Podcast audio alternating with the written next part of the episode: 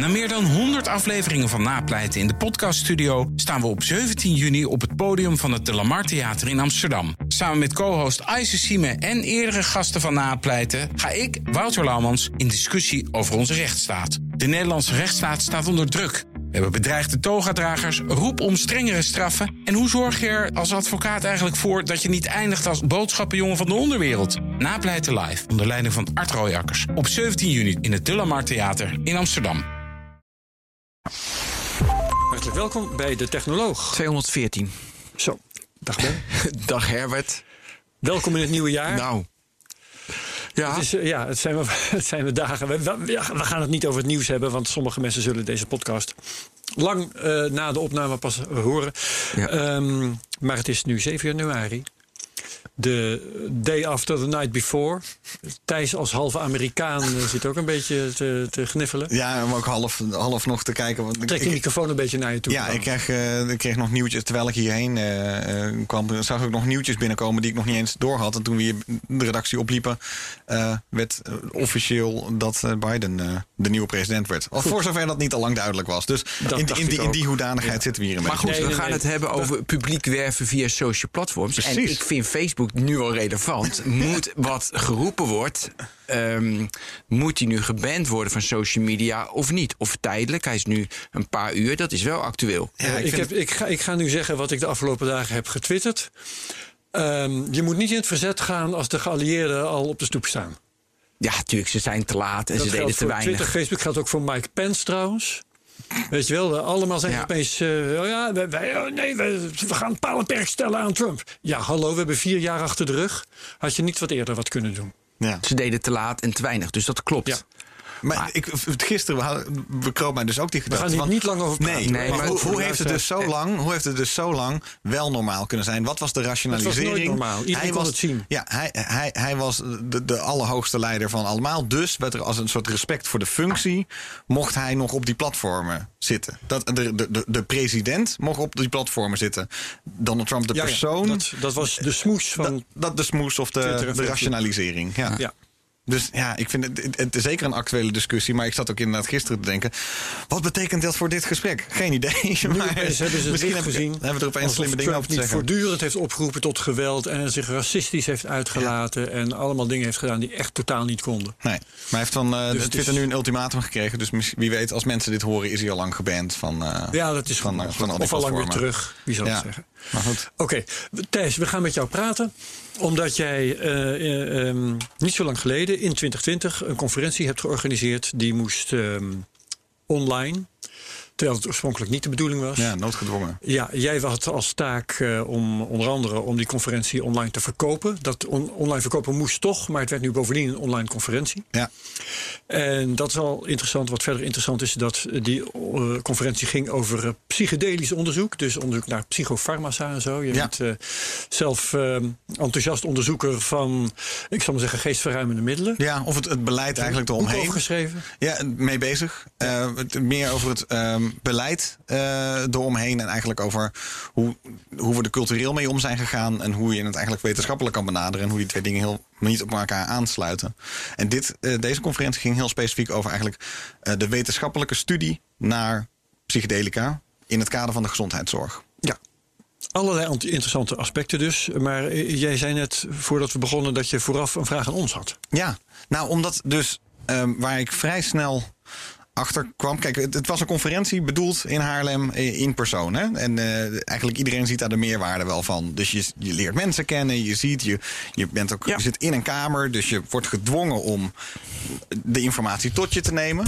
En ehm, een van de dingen die mij bekroop over het afgelopen jaar is wel, toen we het online gingen doen, is weer een scherm om naar te kijken. En we kijken al zo ontzettend veel naar schermen. En, ik, en, en omdat we het gaan hebben over iets wat zich uiteindelijk toch weer gewoon op een scherm afspeelde, wilde ik eventjes nu midden in deze, want we zitten nog in een lockdown, eh, nog in de tweede lockdown, wil ik eens even van jullie weten, hoe kijken jullie op dit moment naar schermen. Naar wat er op dat scherm te zien is. Gewoon, we, we zoeken allemaal eigenlijk ervaringen. We, we komen ook een beetje uit feestdagen. Misschien mensen gezien. En dan zien we hoe bijzonder het is om mensen te zien. En ook hier nu zitten Ja. we in een studio. Gelukkig wel. En dat is ook voor mij een uitje geworden opeens. Hoe, wa- waar staan we, voordat we dit gesprek beginnen, waar staan wij even met z'n drieën over, over Ja, of ik- hoe het online beleven van zulke dingen het afgelopen jaar gewerkt heeft voor ons allemaal. Dat Ben het allemaal online moest. Ik kan dit betoog drie uur houden en nu vijf minuten. Ik zal een tussenvorm vinden. Nee, kijk, uiteindelijk gaat de mensheid. Wordt, weet je, technologie wordt meer geïntegreerd in ons mens zijn. Kijk naar de afgelopen 2000 jaar, om het heel erg makkelijk te houden. Dus we integreren steeds meer technologie.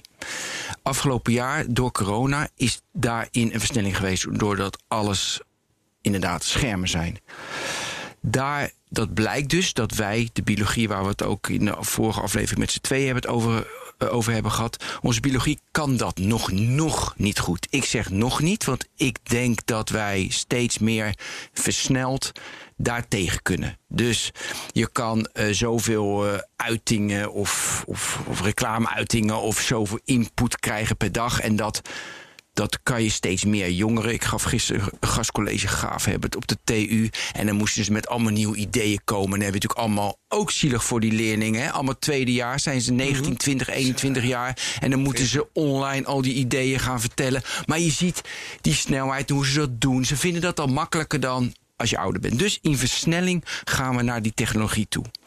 Dus vanuit de biologie is het dramatisch, kunnen we het niet. Maar versneld kunnen we. Dus over 40, 50, 60 jaar, dan lachen we om dat alles alleen maar digitaal is en alleen maar in een scherm. Echter voor nu zie je dus bij heel veel mensen heel veel negatieve gevolgen. Want we hebben gezicht nodig, we hebben gevoel nodig. En we hebben die, die, die, weet je ik, dat is echt verschrikkelijk. Moest ik presenteren natuurlijk ook, weet je voor een scherm. Dat werkt niet, dat slaat neer. Je weet je tempo niet, je, ik ga toch altijd al veel te snel en dan al helemaal. Nul feedback. Nul feedback. Uit de zaal, zeg maar. Ja. Dramatisch. Ja. Echter, ik zie het als ik naar de hele lange termijn. Ja, dat is een integratie van. Ja, hoe van dus van technologie en minder biologie. En dan, eh, ja, dan moeten we daar aan wennen. Ja. En nog niet saai. eh, Nee, ja, ik, ik zeg dramatisch. Dramatisch. En nee, echt, echt Ja, dramatisch. We, wij kunnen dat als mens nog niet. Nee. Maar ik, weet je, ik zie nu al, ik sprak vanmorgen, ik reed hier naartoe, ik sprak een collega, weet je, en we hadden natuurlijk, nee, je hebt het te vaak over eh, alles thuiswerken en alles achter een scherm. En die zat, ja, ik vind het ook wel, weet je, ook wel lekker. Dus mensen gaan het ook alweer integreren, gaan het weer accepteren, wat je natuurlijk niet moet doen, want je moet meer in het bos lopen met elkaar, elkaar meer voelen. Gelukkig Mhm. kan dit. Dus weet je, ik ga er heel veel op uit, want ik kan het echt slecht de hele dag achter een scherm. Maar ja, nou, Het is een beetje het enige wat er is. Dat, dat, uiteindelijk waar het voor mij volgens mij op neerkwam, was dat ik. Nou, je kijkt dan ook zeker in die lockdowns zoveel naar schermen. En dan is het. Ik kijk veel YouTube. Ehm, op een gegeven moment realiseerde ik me, ja, als ik alleen maar YouTube kijk, is laagwaardige content. Dan ga ik misschien wat meer Netflix kijken. Nou, op een gegeven moment is alleen nog maar entertainment. Nou, dan kan je dus naar een wetenschappelijke conferentie kijken. Dan is de beeldkwaliteit weer heel laag, maar de informatie, de, de, de exclusiviteit van de informatie Ja. weer heel hoog. Maar eh, de ervaring, om het zo maar te zeggen, is hetzelfde. Je zit daar, je zit, zit op een stoel en je neemt tot een, via een scherm dingen tot je. Dus, Ja. dus het, ehm, als we het gaan hebben over een conferentie vandaag, ben ik inderdaad wel heel benieuwd of je niet in de toekomst. Of, of ehm, eh, want we kunnen het over de marketing van deze conferentie hebben en hoe je dat, hoe, hoe je ja, dat ook, doet. Jazeker. En, en, maar de, de online conferentie zelf, ik denk dat er uiteindelijk. Ik heb bijvoorbeeld eh, vlak voor kerst in VR een team-uitje gehad. Met een bedrijf dat eh, nou, uit, uit, uit Amsterdam. ehm, georganiseerd door een vriend van me. die al jarenlang aan het kijken is hoe je met VR eventueel ook bijeenkomsten Ja. kan, kan doen. Wederom een scherm. Ik bedoel, je zet hem wel op je hoofd. Je, maar je kijkt een scherm. Je hebt in ieder geval meer het gevoel dat je Ja. presence hebt. En dat je met mensen was. En ik vond het heel tof dat mensen ook. Als er iemand aan het woord was. dan draaiden alle poppetjes. draaiden ook naar die persoon toe. En als die klaar was. Ja. Het, het voelde alsof je daar al meer in een, in een ruimte denk was. Dus dat, dat vind wat ik een, jij nu zegt, goeie. dat dat eh, eh, eigenlijk inleidt wat, wat ik op Ben wilde reageren. Ja. Ehm, want ik weet niet of je het bedoelde, Ben, maar het- wat jij zei klonk als van, nou ja, dat, eh, kijken naar zo'n eh, zoomscherm met eh, een heel schaakbord met allemaal Mensen. personen erop. Daar wennen we wel aan. Terwijl ik eigenlijk denk dat de technologie aan ons zal wennen. En dat die eh, een vorm zal vinden die beter op ons is toegesneden. Ja, dat is ook een wisselwerking. Zou, ja, zou kunnen. Ehm, zodat we dat beter kunnen verdragen. Want Tuurlijk. wat wij, en dat zul jij beamen, Ben, eh, eh, hebben ervaren met deze podcast bijvoorbeeld. We hebben in de eerste lockdown hebben we een tijd lang eh, thuis opgenomen. Dramatisch. Niks gedaan om allerlei redenen. Technische redenen, bijvoorbeeld vertraging, eh, geluidskwaliteit. Onze gasten zijn minder ervaren dan wij bijvoorbeeld in het omgaan met. nou, het, het hebben van een goede microfoon, daar begint het al mee. Ja. Maar het omgaan daarmee, het omgaan met de camera. En, eh, maar eh, ook het, eh, de online interactie. Die Ja. gewoon moeilijker is. Omdat je elkaar niet, Ja. niet ziet of niet goed ziet. Of, dus er is van alles aan de hand wat beter kan. Maar Herbert, om weer op jou te reageren. Corona versnelt dus de- het samenspel tussen technologie en mens. Ja, dat Omdat de mens graag, nu ja. moet. En de technologie, weet je, VR, zou anders niet komen. Daarom zoomen we nu allemaal. Dus de integratie wordt ook versneld. Je krijgt snelle experimenten. Ja. En ja, dus dat kan je als, ja, na, weet je, nadeel of voordeel. Dat is natuurlijk, zeg maar, perspectief. Maar dat gebeurt wel. Ja, en in de videogame-industrie bestaat het ook al langer. Ik hoorde ook al meerdere bedrijven die bijvoorbeeld in eh, videogames als Red Dead Redemption afspreken. Ik weet niet of je de game kent, maar dan kan je dus samen om een kampvuurtje zitten of op Ja, paard rijden. Ja, Second Life bestaat ook nog. Ja, zodat je in ieder geval een andere context hebt waarin je dat doet. In plaats van dat je als het ware naar elkaar zit te kijken. Omdat je nou eenmaal die, die echte persoonlijkheid nodig hebt. Van de, de, de, de vraag is elke keer een beetje van wat is nou eigenlijk het, het doel? Dat zou natuurlijk altijd het, de, de, de, vraag moeten zijn van wat is nou precies het doel? Alleen wij werden natuurlijk geconfronteerd met het feit van ja, een conferentie gewoon op de oude, op, op de oude manier. Moesten we nu op een nieuwe manier gaan doen. En het was ook wel grappig omdat daar dus soms eh, kwamen er ook kwesties van hoe geef je nou zo'n conferentie vorm. Ehm, heel veel ideeën kwamen nog uit het oude eh, voort. Van je hebt een podium 1, podium 2, zo, noemden we het, zo noemden we het ook. Of er moet een algemene koffieruimte zijn. Ja, de- allemaal van zulke soort grappige dingen. Omdat we het maar gewoon moesten lenen van dat wat we offline kenden. Maar zo is vertalen naar het online. Zo begonnen websites ook, weet je wel. Dat, eh, Die waren om te beginnen waren ze geënt op de krant. Ja, het dus, telefoonboek. eh, ja, precies. De eerste digitale kranten waren gewoon foto's van de gewone kranten. ja, precies. Eh, en dat soort zaken. Ja. Dus eh, de- dat is onderdeel van die evolutie. Ja. Maar ik denk ook dat door het afgelopen jaar. dat we echte menselijke interactie meer zijn gaan waarderen. Ja. ja, En precies. ook zijn gaan beseffen hoe moeilijk je daar buiten kunt. En ik denk dus dat wat er zal groeien is ook een, een evenwicht. Tussen wanneer kies je voor die echte menselijke interactie. Nou, bijvoorbeeld als daar een acceptabele reistijd tegenover staat. En eh, als er een goede reden voor is, noem maar op. en als er eh, voordelen zijn aan dit dan online doen. Dan kies je daarvoor. Maar dan moeten die voordelen groot genoeg zijn. Nou, dat is goed om daar even over te als je hebben. ver van elkaar woont. Ja. Of eh, als je, weet ik veel. Nou, je kunt allerlei dingen verzinnen. Ja. En dus die voordelen, dat, dat was dat het evenwicht gaat verschuiven. Ja, misschien is het goed als ik een beetje je meeneem in hoe die conferentie dan vorm kreeg. Ehm, Nee, eerst even het onderwerp. Tuurlijk, het onderwerp. Ja, dat is goed. ook een soort Goed om te weten. Dat, die, die kans wou ik eenmaal even grijpen. Het is een soort van technologie waar we het zelden over hebben. ja, absoluut. Ehm, wat, het is misschien moeilijk voor jou om daar heel algemeen iets over te zeggen. Maar wat, wat is de stand van zaken als het gaat om het bestuderen van, eh, van eh, psychedelische middelen? Ja, vrij ver ligt een beetje aan over welk middel je het hebt. Ja. En, eh, en ook hoe je. Hoeveel zijn er dan die op zo'n conferentie worden besproken Een bijvoorbeeld? stuk of zes, zeven. Zo zoiets. weinig maar. Zo weinig, om, maar er zijn. Want wat, wat, wat, Het is ehm, biotechnologie. de- ja, Nou, ik bedoel, cafeïne, alcohol. eh, Nee, die dus niet, want dat Nee. zijn geen psychedelica. En bijvoorbeeld ook zoiets als cannabis werd ook eh, buiten de deur gehouden, omdat dat ook weer een hele apart ding is. Dat is een plant waar weer twintig actieve stoffen in zitten. Eigenlijk bijna te lastig. Welke Ehm, wel? Binnen de definitie hier ging het over eh, psilocybine. Dat is de werkzame stof in eh, psychedelische paddenstoelen. Oké. Eh, daarmee ook dan LSD, mensen wel bekend. Ehm, ayahuasca hoorde daarbij. Dat zijn de drie soort van klassieke psychedelica die al langere tijd in veel landen verboden zijn. En waar je eigenlijk een ervaring mee kan beleven die je misschien ook wel in een soort retreat van een paar maanden zou kunnen doen of een soort, so- soort cursus van maandenlange eh, transformatie zou kunnen doorstaan. Alleen in dit geval eh, kan je dus met deze middelen zo'n transformatie in een relatief korte periode of een hele korte periode bewerkstelligen. En daarom zijn ze zo revolutionair. MDMA werd daar ook in meegenomen. Dat is weer niet echt, valt niet helemaal onder de klassieke psychedelica. Dat is veel meer een middel dat eigenlijk een soort, net als Valium bijvoorbeeld, een soort uh, situatie creëert waarin mensen heel goed over een trauma kunnen spreken. En als je het hebt over van hoe ver zijn we dan op dit moment met de bestudering daarvan, dan zie je dat uh, MDMA eigenlijk op het punt staat om een medicijn te gaan worden. Um, er zijn heel veel barrières weggehaald. Uh, het is in de laatste fases van ja, je zou kunnen zeggen goedkeuring voordat het een medicijn is. Alleen ja, natuurlijk moeten ze zichzelf dan ook nog in die laatste trials bewijzen. En wat is ook weer de, de uh, gangbare naam voor? Is dat ecstasy? Ja, ecstasy, ja, ecstasy MDMA. Ja. ja, ja, precies. Um, uh, dat is uh, in principe dus dat hetzelfde. staat op punt een medicijn te worden. Dat is nieuw. Dat staat, voor ja, mij tenminste. Dat staat, ja. Dat is op dit moment in ja, Het wordt gebruikt bij, bij, bij schizofrenie of psychose. Ik, ik weet het nee, niet. PTSD. Bij PTSD. PTSD. Mm. Er, zijn, er is een, een man, Rick Doblin, die is daar zeer instrumenteel in geweest. Hij heeft in de jaren 80 eerst geprobeerd om het verbod op MDMA uh, tegen te houden. Uh, want dat kwam eigenlijk zomaar uit de lucht vallen. Het was gewoon van, er wordt een nieuwe druk gebruikt door kinderen. Hij moet nu verboden tegenhouden. Nou, zo gaat het altijd. Er zijn op dit moment ook in het nieuws een paar van zulke middelen.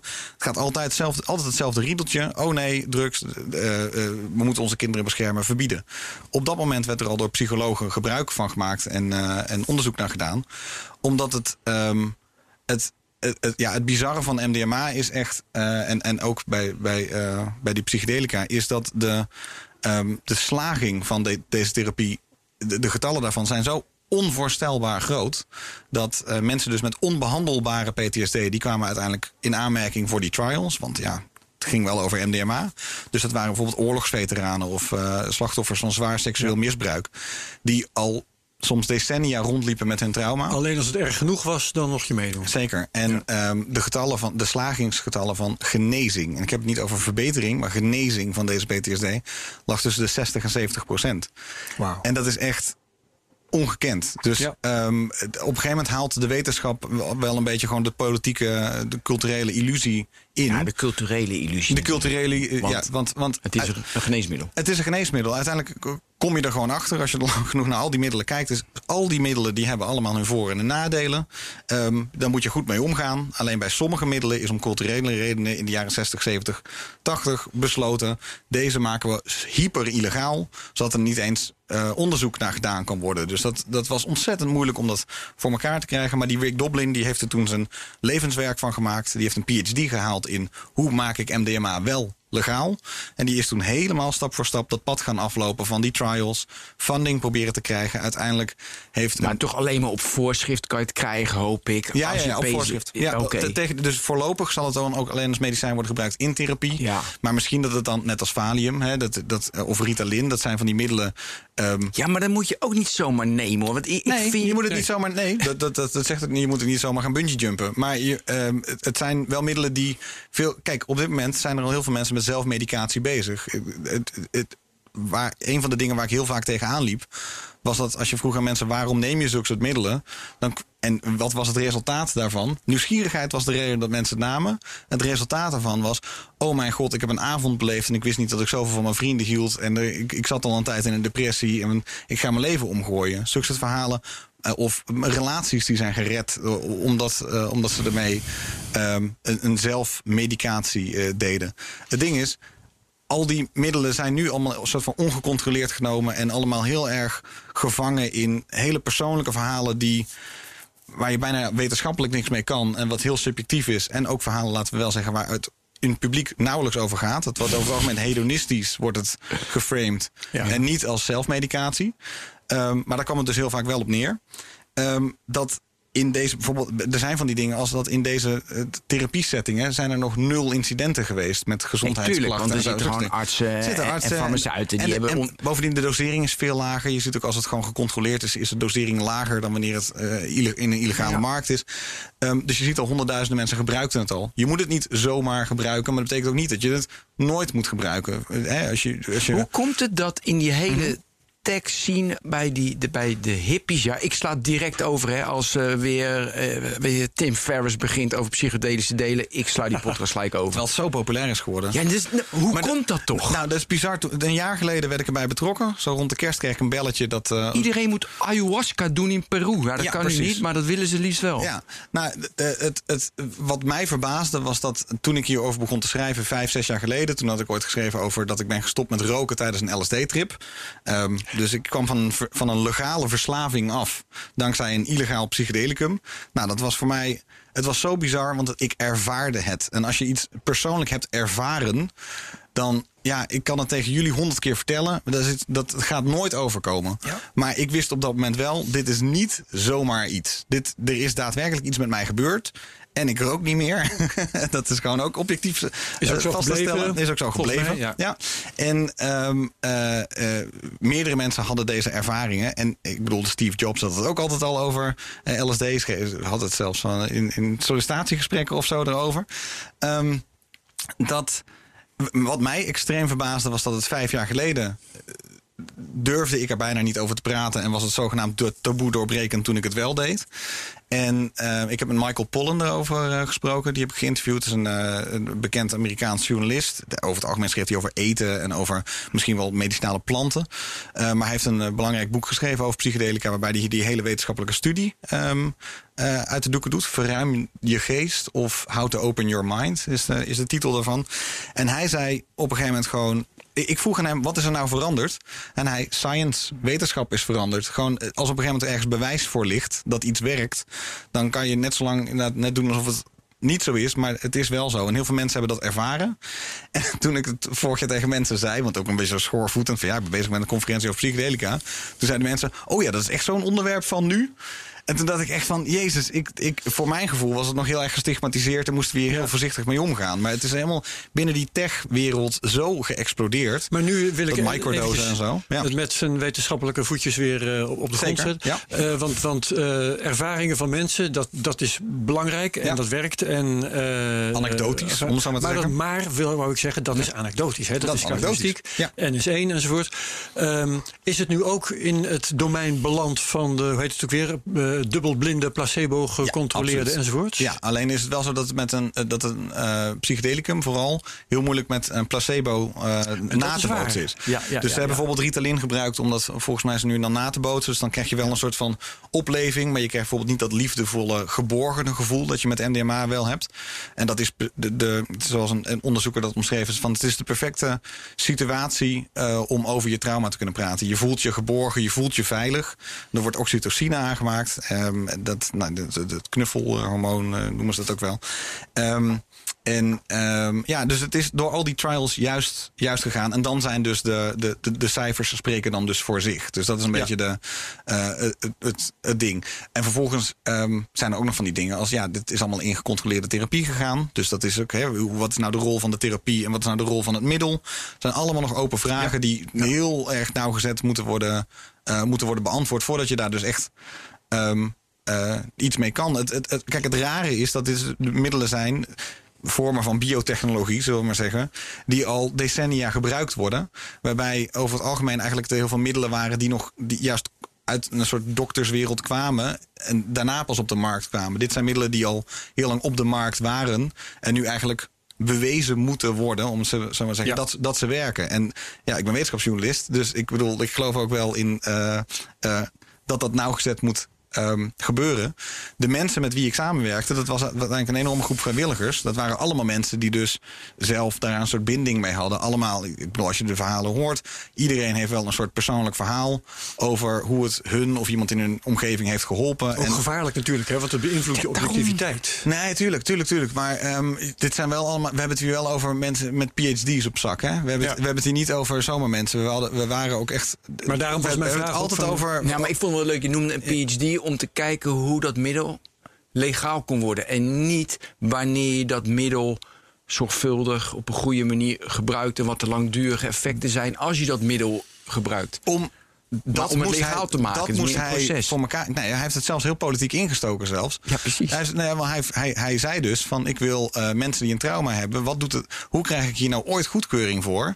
Ja, alleen maar als het oorlogsveteranen zijn. Dus hij heeft mensen uit het, le- heeft het leger. Zij werkt uiteindelijk nu samen met het leger, psychologen van het leger.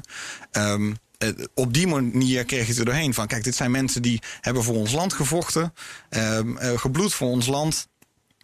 Mogen, mogen die dan met allemaal zelfmoordneigingen, mag ik dan zelfs hun niet eh, deze middelen toedienen? Ja. En eh, nee, ja, dat, dat, dat mocht. Het, het, eh, ik snap dat het risico, risico op de loer ligt, zo van dat je dus nou ja, dat je met onzin bezig bent, om het zo maar te zeggen. Dus ik, de reden dat ik ja heb gezegd tegen deze stichting, en ook vier jaar geleden heb ik weer vrijwillig iets voor ze opgenomen, is juist omdat zij zo strak waren. Wij willen zuiver wetenschap. We willen niet, we willen de hippies buiten de deur houden. En zo, wat die vier jaar geleden zei, eh, Joost, de, de, de, de grote leider van deze stichting, die, eh, die zei: Ik wil dat de pakken in de zaal net zo grijs zijn als de haren van de mensen. Gewoon, ik wil saaie doktoren, ik wil saaie mensen, ik wil overheidsbestuurders. Geen getuigenissen. geen, geen getuigenissen. En ehm, eh, dat anders gaat het nooit werken. Dus het moet. eh, al, die, al die andere dingen, daar kan, daar kan je Vice over lezen of weet ik veel wat voor een- publicaties. Maar om dit geaccepteerd te krijgen als een serieus onderwerp dat serieus onderzoek. eh, nodig heeft. ehm, ja, dat, eh, eh, dat kan je alleen maar bewerkstelligen als je je zuiver aan Maar alle wetenschappelijke redenen nodig? houdt. Want bijvoorbeeld... eh, Waarom is dit nodig? Ja, nee, ik zou... Ja, vertel. Ja? Kijk, er wordt veel onderzoek gedaan naar geneesmiddelen. Ik denk AD, hoe heet dat, ADMA? Wat zei je? ADHD? Wat de PTSD bedoel je? Nee, als je gewoon, eh, zeg maar, ja, ieder geneesmiddel, een ayahuasca, dat middel wat erin zit, waardoor Oh, je ja. geestverruimend denkt, joh, op PubMed, ik kan nu zoeken, er zullen tientallen onderzoeken zijn, want al die PhD's moeten ook allemaal komen. Ja. Waarom? Dus eigenlijk gebeurt het al vanuit de geneeskundehoek. Om mensen, weet je, denk je, hey, je kan het ook daarvoor gebruiken. Doe Ja. weer onderzoek. Waarom heb je dan een stichting nodig die het vanuit de biotech. De, de, de, stichting doet het even, even om helder te blijven. Deze stichting eh, zet zich in voor, de, voor het wetenschappelijke onderzoek naar psychedelica. Punt. Dat is alles. We zorgen ervoor dat wetenschappers hier wetenschappelijk mee bezig zijn. En eh, dat was ook wat mij in eerste instantie aantrok. Want er zijn natuurlijk heel veel verschillende stichtingen en clubs. Van stop de drugsoorlog of legaliseer alle drugs. Maar dit was het, het, het, het, het, het, het kleine paadje door het bos. Van als we nou zuiver ons alleen op wetenschap richten. Dan kan niemand ook ons iets maken. Want wij willen zelf ook de antwoorden hebben. De wetenschappelijke antwoorden. Ja. En ehm, anders infecteer je het meteen met allemaal subjectiviteit. En dat kan niet. En dat was ook de reden dat ik ook als journalist er ja tegen zei. Want ik hou me daar ook graag bezig van. Ja, wat kan je nou tegen de wetenschappelijke studie hebben? En wat ik dan ook heel mooi vond aan deze eh, organisatie... is dat ze ook heel erg sterk inzetten op interdisciplinariteit. Dus neurologen, psychologen, psychiatrie... eh, ik bedoel, er zijn, er zijn hersenscans gemaakt, maar er, zijn, er wa- was bijvoorbeeld ook ehm, met het oog op diversiteit een, een, een shamaan uit eh, Brazilië eh, uitgenodigd om te vertellen van ja, oké, eh, dit is hoe westerse medicijnen werken. Vertel nou maar eens hoe jouw perspectief eruit ziet. Misschien kunnen we daar iets van leren. En dus door die met een neuroloog eh, in een in, aan tafel te zetten, maar ook met een psycholoog en tegelijkertijd met een PTSD-patiënt levert wel interessante gesprekken op. En dan natuurlijk, daarna komt het panel. panel, de- juist. Ja, daarna komt het panel van alle eh, neurologen die het samen nog eens doen. En nog alle psy- eh, psychiaters die, die met elkaar eh, praten. Maar het zou dat, hetzelfde eh, zijn ja. dus als eh, de AMC of UMC.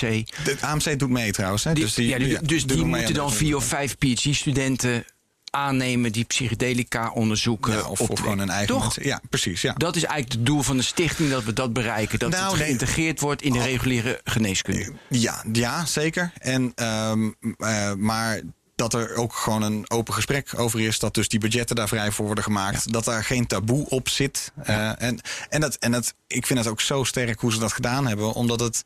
ehm, ik zag het ook aan. Aan de, bijvoorbeeld, eh, er waren een paar evenementen eh, in 2019 die in aanloop eh, naar de grote conferentie.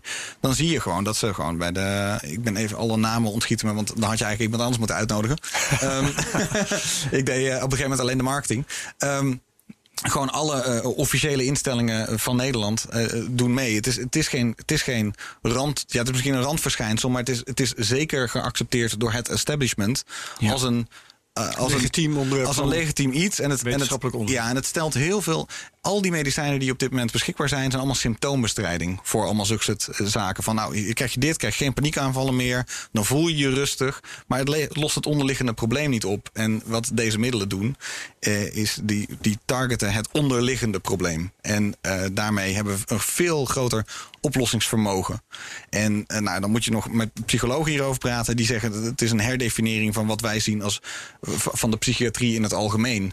Ehm, waarbij het over het algemeen was van hier heb je een pilletje, ga maar naar huis. En dit is veel holistischer, veel, veel meer na. Dus meditatie is dan ook een eh, bewustwording, is er allemaal een onderdeel van. En dat zijn allemaal dingen die ik tien jaar geleden van mezelf, eh, had ik mezelf nu niet zo ho- kunnen horen praten. Want dan dacht ik, ik, ik zou mezelf niet geloofd hebben.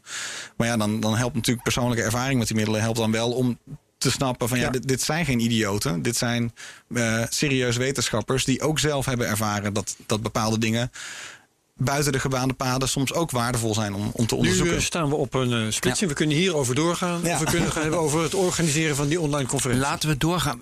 Weet je waarom? Omdat we over twee weken Peter Joost hebben over de supermens. Ja. Oh, ja. Ja, precies. En ja. dan gaan we het hier zeker over hebben. Nee, maar we moeten En het- met Thijs eh, al, Precies. al of niet Daarom. gaan hebben over het organiseren Dat, van dat gaan we doen. Daarom zeg ik over Peter Joosten gaan we door. Over, Heb het over ja, ja. biotech. dan gaan we over Biohacking. biotech en een beetje Biohacking. biohacking. Ik bedoel, kletsen we Ja. door over dit onderwerp van wetenschappelijk onderzoek? Niet. Of gaan we nu in... Ja, precies. Dan gaan we het over biohacking hebben. Dus eh, Heel goed. Ja, dit is een inleiding op over twee weken. ja precies. Nu eerst, maar dat is in ehm, ieder geval de context geschetst van dat was eh, de context. Hebben we de helft van de technologen aan besteed. Heel leuk. Ehm, ja, heel we spannend langer, maakt niet uit.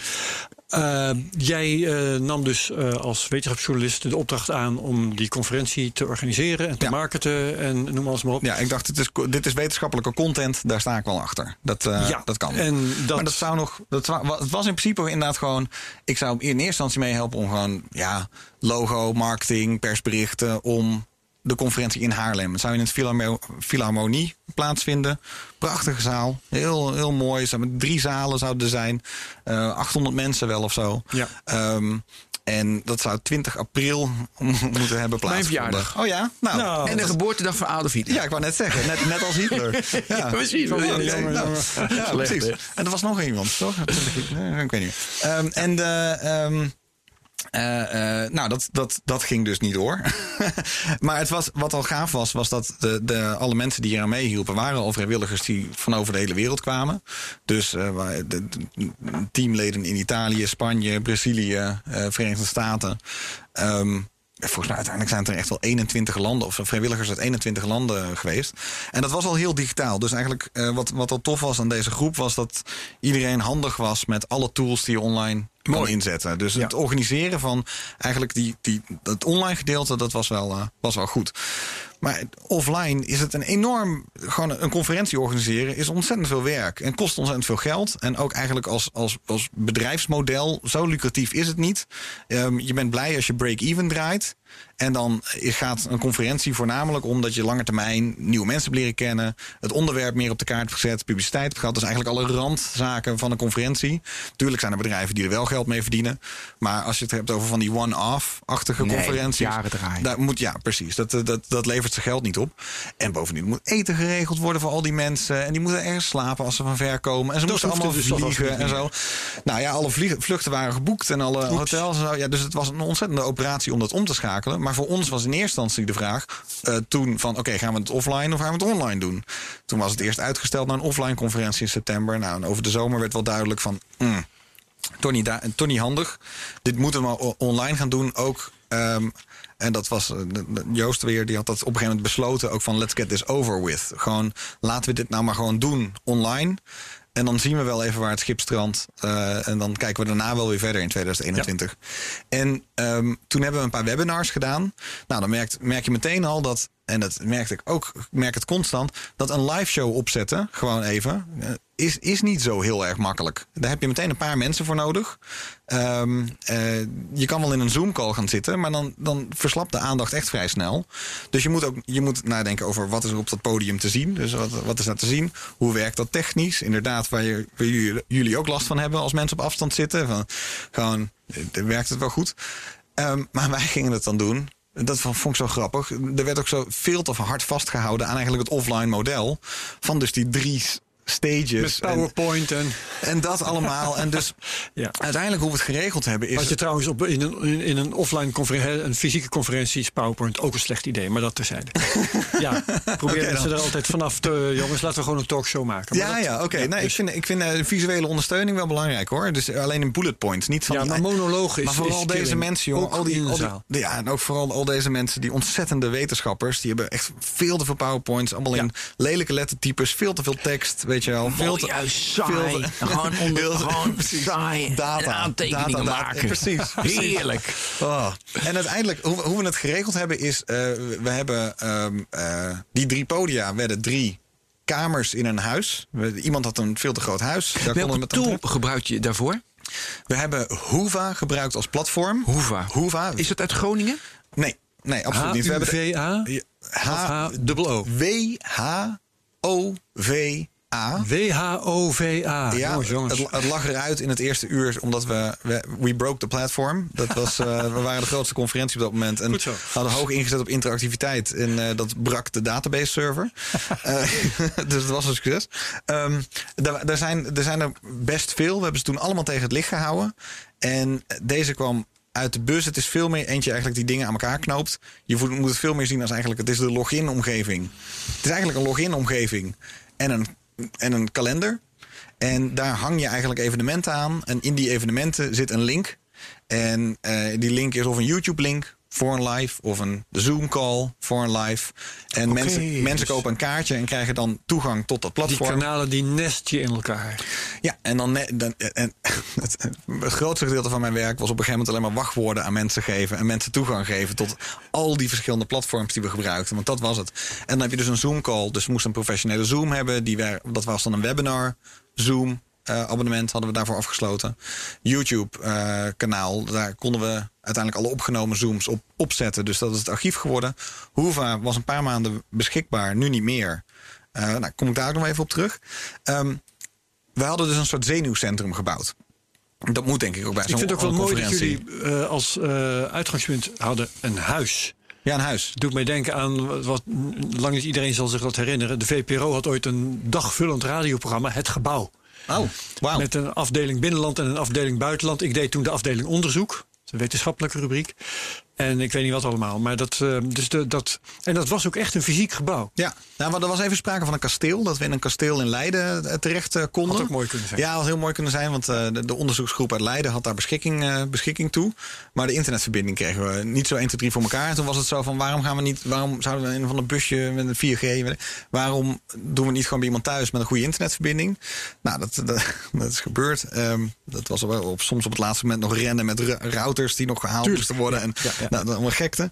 Op de bovenste verdieping van het huis was het zenuwcentrum. Daar waren eigenlijk drie mensen constant bezig om per podium, om het zo maar even te noemen, ehm, eh, de calls op te zetten. Dat al die Zoom-calls werkten. Van hey, je camera staat wel niet aan. Welkom, eh, dat. Oké, we gaan zo en zo meteen beginnen. En er was gewoon één iemand van die mensen in die Zoom-call. Was de host van, ehm, van dat praatje. Die host zat soms waar dan ook in de wereld, omdat het gewoon eh, op afstand kon. Ja. Ehm, maar ook vaak op de middenverdieping van dit huis. Want daar hadden we eh, twee, drie studio's gebouwd om met goede camera en ook met een wat simpelere webcam setting altijd iemand als moderator in te kunnen zetten die je of het of een aan, aan en afkondigen van, eh, van mensen. Dus die studio's die heb je ook nodig. En dan hadden we beneden nog de, lunch, de lunchruimte waar dan iedereen nog kon mingelen van gaat alles goed of naar boven rennen en schreeuwen van oh nee die en zet je geluid uit en mute en dat De allemaal. lunch als ontmoetingspunt voor de bezoekers had je natuurlijk niet. Nee, die hadden we, we hebben dus wel pauzes gehad. Dus Ja? we hebben het En wat geprobeerd. deed je dan? Nou, we zaten op een tijd. Even kijken, we hebben de tijdzones zo ingericht dat we dus de Verenigde Staten en eh, of gewoon eigenlijk Noord- en Zuid-Amerika er heel goed bij konden betrekken. Dus hoe verder naar het oosten, hoe minder aantrekkelijk het werd.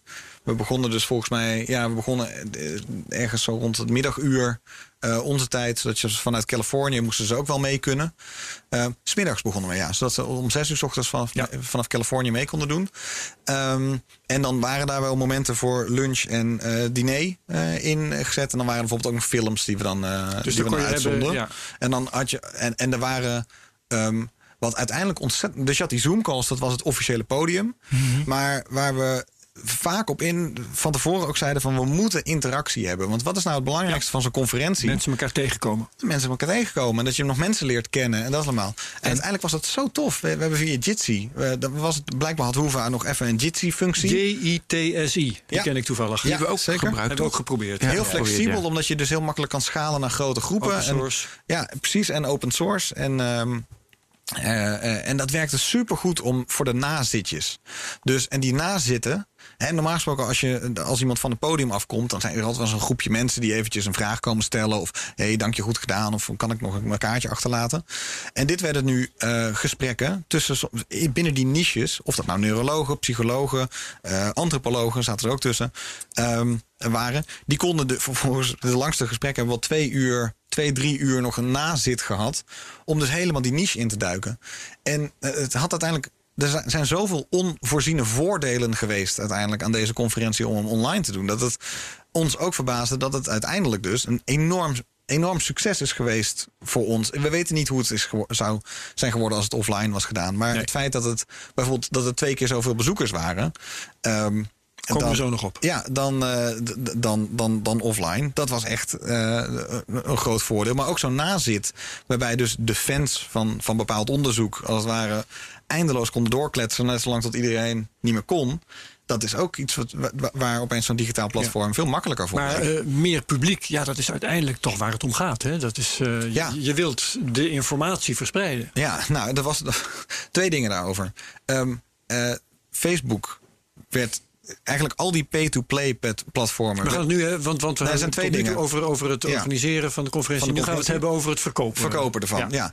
Ehm, laat ik dan even beginnen met het bijkomende voordeel van niet verkopen, maar weggeven. Dat we hebben honderden mensen, studenten vooral, eh, gratis toegang kunnen geven, omdat het ons eigenlijk niks kostte. Om extra mensen Om extra mensen bij te hebben. nee. was een van de eerste tips die we ook kregen, want we hebben meerdere mensen. Je hoeft er geen grotere ruimte te huren. Je hoeft er niet meer eten te laten aanrukken. Ga zo maar door. Ja, dat was te Ja. gek. Dat was Ja, te ja, gek. ja, ja. En, en we konden dus eh, de 200 eh, scholarships noemden ze we. We konden mensen zich aanmelden van als je niet kan betalen, laat even weten. En uiteindelijk hebben we eigenlijk gewoon iedereen die een mailtje had gestuurd.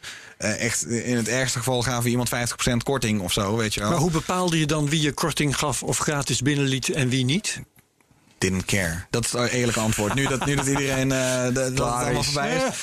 We didn't care. Als we, eh, er was, was een enkel verhaal waarbij we dan dachten... ja, maar volgens mij moet jij gewoon een kaartje kunnen betalen. En dan, weet je wel, oké, nou ge- geef maar 50% korting... of nog meer zelfs. Dan, eh, en dat was dan ook prima. Maar al die mensen die het echt niet konden betalen... die konden dus gratis Ja. naar deze conferentie. Dat was nooit gebeurd. Dus die eh, hebben de volle map betaald. De mensen die dat toch al hadden gedaan voordat Ja. bleek dat je het online ging Ja, we hadden bijvoorbeeld een kaartje voor eh, een soort research ticket. Dat als je... Er zijn heel veel... ehm, Anders gezegd, je hebt Ja. niet. eh, nou ja, dat, dat online verkopen had je eigenlijk al gedaan. Dat, dat, daar waren we mee bezig. Wa- Ja. we Eigenlijk de, de machine om dat te doen werkte net goed. En toen kwam coro- corona. dat was eigenlijk ja. eh, het ding. En ik was natuurlijk ook een soort last minute ingevlogen. Dus het duurde, we waren vrij laat allemaal met alles. Ehm, maar, sorry. Ehm, uiteindelijk, eh, ik weet niet wat mijn vorige punt was, maar uiteindelijk heeft het dus heel veel. Ja, dus de marginale kosten zijn nul, dus je kon veel meer heel eh, veel- mensen we kon we je... konden heel veel mensen binnenlaten. Ja, en, eh, en eh, het maakte niet uit hoe we dat deden. De- de- We hadden een soort limieten voor, voor Hoeva en andere platformen. Of Zoom bijvoorbeeld, van maximaal 2000 mensen in de call. Dus daar zaten een soort platform van, nou, we moeten het ook niet al te gek maken. Maar één belangrijk ding, en dat kwam ongeveer een week of twee weken voordat de conferentie uiteindelijk plaatsvond. En dat was in september. Belde ik op een gegeven moment eh, wederom deze Joost op, de, de leider. Ik zei op een gegeven moment van ja. Zo, god Joost. Ja. Ik weet helemaal Ja, niet wie ja, het is. Joost moet ik een keer leren kennen. We gaan uitnodigen. Joost, Joost hartstikke goede gast. Joost, luister vast. Eh, nee, hij, hij, hij was altijd vanwege zijn heldere visie over hoe saai en hoe wetenschappelijk het moest zijn, eh, kon je je daar goed bij aansluiten. En goede knopen doorhakker. Ehm, en toen zei ik ook tegen hem van ja, weet je wat het is met hoe we op dit moment dig- digital marketing doen? Ik kom erachter dat hoe meer geld wij erin pompen, hoe meer geld eruit komt. Ik weet, want er is een limiet eh, voor hoe ver we dat kunnen doen. Maar als je mij nog 50.000 euro geeft en we harken dat allemaal naar Facebook, dan kan ik je bijna garanderen dat daar een ton aan opbrengsten uitkomt. Dat is spectaculair. En- en hoe, mensen- hoe kwam je daarachter? Waarom was je daarvan overtuigd? Eh, omdat je. eh, we, kozen uiteindelijk voor Facebook omdat die het laagstdrempelig tickets kon verkopen. We hadden onze eigen soort van eigen netwerken. Dat verkocht vrij goed. Dus dan, daar hoefde je ook niet heel veel geld aan, eh, aan te besteden. Ehm, maar Facebook werd vrij makkelijk eh, dat je een. Je kan een publiek uitkiezen. En je zegt, eh, ik wil dit publiek. En dan komt dat op een gegeven moment omhoog. Als bijvoorbeeld ongeveer 250.000 mensen. En dat publiek moet je gewoon uitputten. Als iemand al 11, 11 keer, 12 keer, 13 keer jouw ad heeft gezien. En er nog steeds niet op heeft geklikt. Dan moet je wel, moet je wel door. Of er niet blijven geweest. hangen. Of zo. is mooi geweest. Dus, dus op een gegeven moment weet je van, die is het niet. Maar die andere mensen, die, die wel die interesse tonen. Al die weerhaakjes van Facebook, die blijven allemaal hangen. Je kan ze precies zien wie dat zijn eh, en, en hoe ze zich gedragen. Die target je op een gegeven moment meer. En dan heb je gewoon elke keer zo'n plafonds van hoeveel je daaraan uit wil geven. Zolang hoeveel je uitgeeft aan het ticket lager is dan wat dat ticket oplevert, moet je er geld naartoe harken. Ja, natuurlijk, ja, ja, En dat was in ons geval dus, eh, weet ik veel. eh, eh, en daar kan je dan dus heel veel met, efficiëntie doen. Maar zo, al is het maar een euro, bij wijze van spreken. Dan zou ik zeggen, put dat hele publiek uit. Dus die 250.000 mensen. Als ik zie dat ik eigenlijk pas geld er naartoe heb geharkt om 30, 40, 50.000 mensen te benaderen. En die hebben een conversierate van 0,5 procent. Dus ik weet gewoon van deze 30.000 mensen gaan 0,5 procent heeft een ticket gekocht. Of 1 procent heeft een ticket gekocht. Als ik dat met die 250.000 mensen doe. Want het is allemaal ongeveer dezelfde groep. Voor mij is onduidelijk wie dat nou wel en niet zijn. Het is gewoon allemaal die gedefinieerde groep. Dan zou ik zeggen, ja, als wij nou gewoon even genoeg uit geld uitgeven om die, al die 250.000 mensen te, in ieder geval één keer te benaderen, dan eh, werkt die machine gewoon. En we kunnen het gewoon de hele tijd in de gaten houden. Ja. En het, en het Ja. bleek ook te werken. Hoe meer geld ik erin stopte, hoe meer geld eruit Maar kreeg je dan ook een onbeperkt budget? Even, Nee, en toen is uiteindelijk. Geld nee, het, het, het was, we werden er een, een tikkeltje cynisch van. Want en we, en we dat- allemaal Facebook natuurlijk. Want we zagen allemaal de kracht Ja, maar van wacht. Facebook. Je, je, je kon op dat moment. Ik- nee, moet en dat was een risico ook. Hè? Want je- Was, was, het, was dat in de fase dat je al wist dat het hele ge- gebeuren online zou plaatsvinden? ja, dit was allemaal ver. Dit Dus was, je wist dat je oneindig veel mensen kwijt kon. Ja, dus ja, zeker. Dat was in het begin. In het begin kregen Dus we de kans je niet, want corona kwam te vroeg of zo. Ja, je, kan, je hebt een geldpers totdat dat publiek is uitgeput. En eh, daarna kan je nog in andere talen gaan werken. Dus als je dan. Ja. Dus je hebt er wel resources voor nodig. Hè? Dus die ads moeten ook wel kloppen, moeten goed zijn. En ik. ehm, eh, en ik kwam achter bijvoorbeeld één ding. Kijk, je kan een ad zeggen van kom naar deze conferentie. Koop nu je ticket. Dat, dat werkt soms ook. Je- Hele platte dingen werken zelfs. Van, eh, van al duizend mensen komen. eh, nu laatste kans op 10% korting. Weet je, allemaal van die onzin. Nog het, maar- en het nog werkt maar als een 100 tickets verkrijgbaar. Ja, nog maar 100 tickets verkrijgbaar voor deze prijs of zo. En het werkt allemaal als een tierenlier. Maar wat het allerbeste Je bent werkt... heel slecht geworden hiervan. eh, volgens ben er er heel- een slecht mens van geworden. Ik ben er heel slecht mensen van. Oh, het is zo erg. Maar het was voor mij zo leerzaam als journalist. Zo leerzaam als journalist. Want ik heb jarenlang alleen maar content gemaakt. Dus Ja. net als dat we nu aan het doen zijn. Wij zijn content aan het maken. Wij maken niet de advertenties. Voor mensen die precies zo slecht eh, waren als jij nu bent geworden. Want die deden dat dan voor jou. Hè? Die gingen dat voor jou verkopen. Ja, nee, daar kom ik, daar kom ik, daar kom ik zo. betalen jou een Dus- honorarium bij Vice en zo. En gaan dan vervolgens daar geld mee verdienen. Precies, precies. Ja. Die- Ja. dus je, inderdaad, je wordt gewoon ingehuurd. Of, of BNR. BNR ook ben daar hier ook op de redactie gezeten.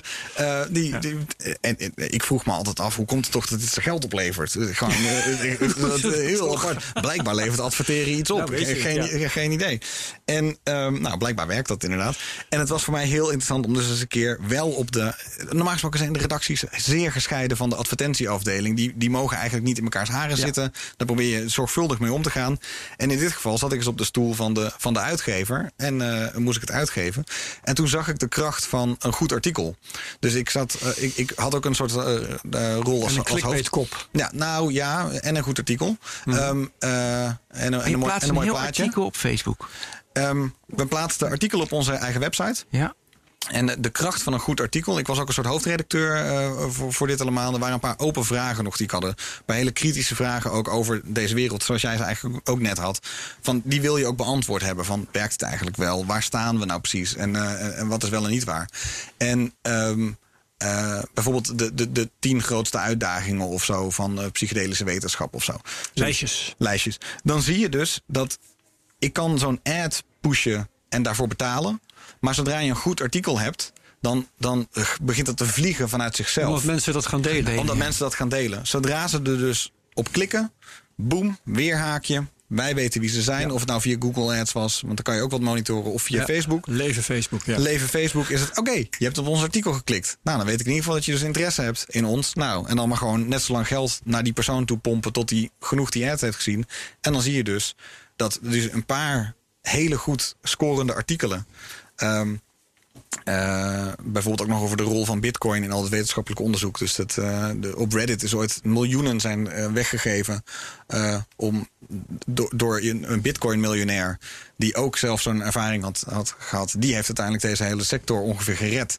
Nou, dat verhaal had ik toevallig op video staan. Dat is op eh, de, de wereld ingeslingerd. human interest. Ja, human interest. Nou, dat, dat, dat vloog ook als een tierenlier.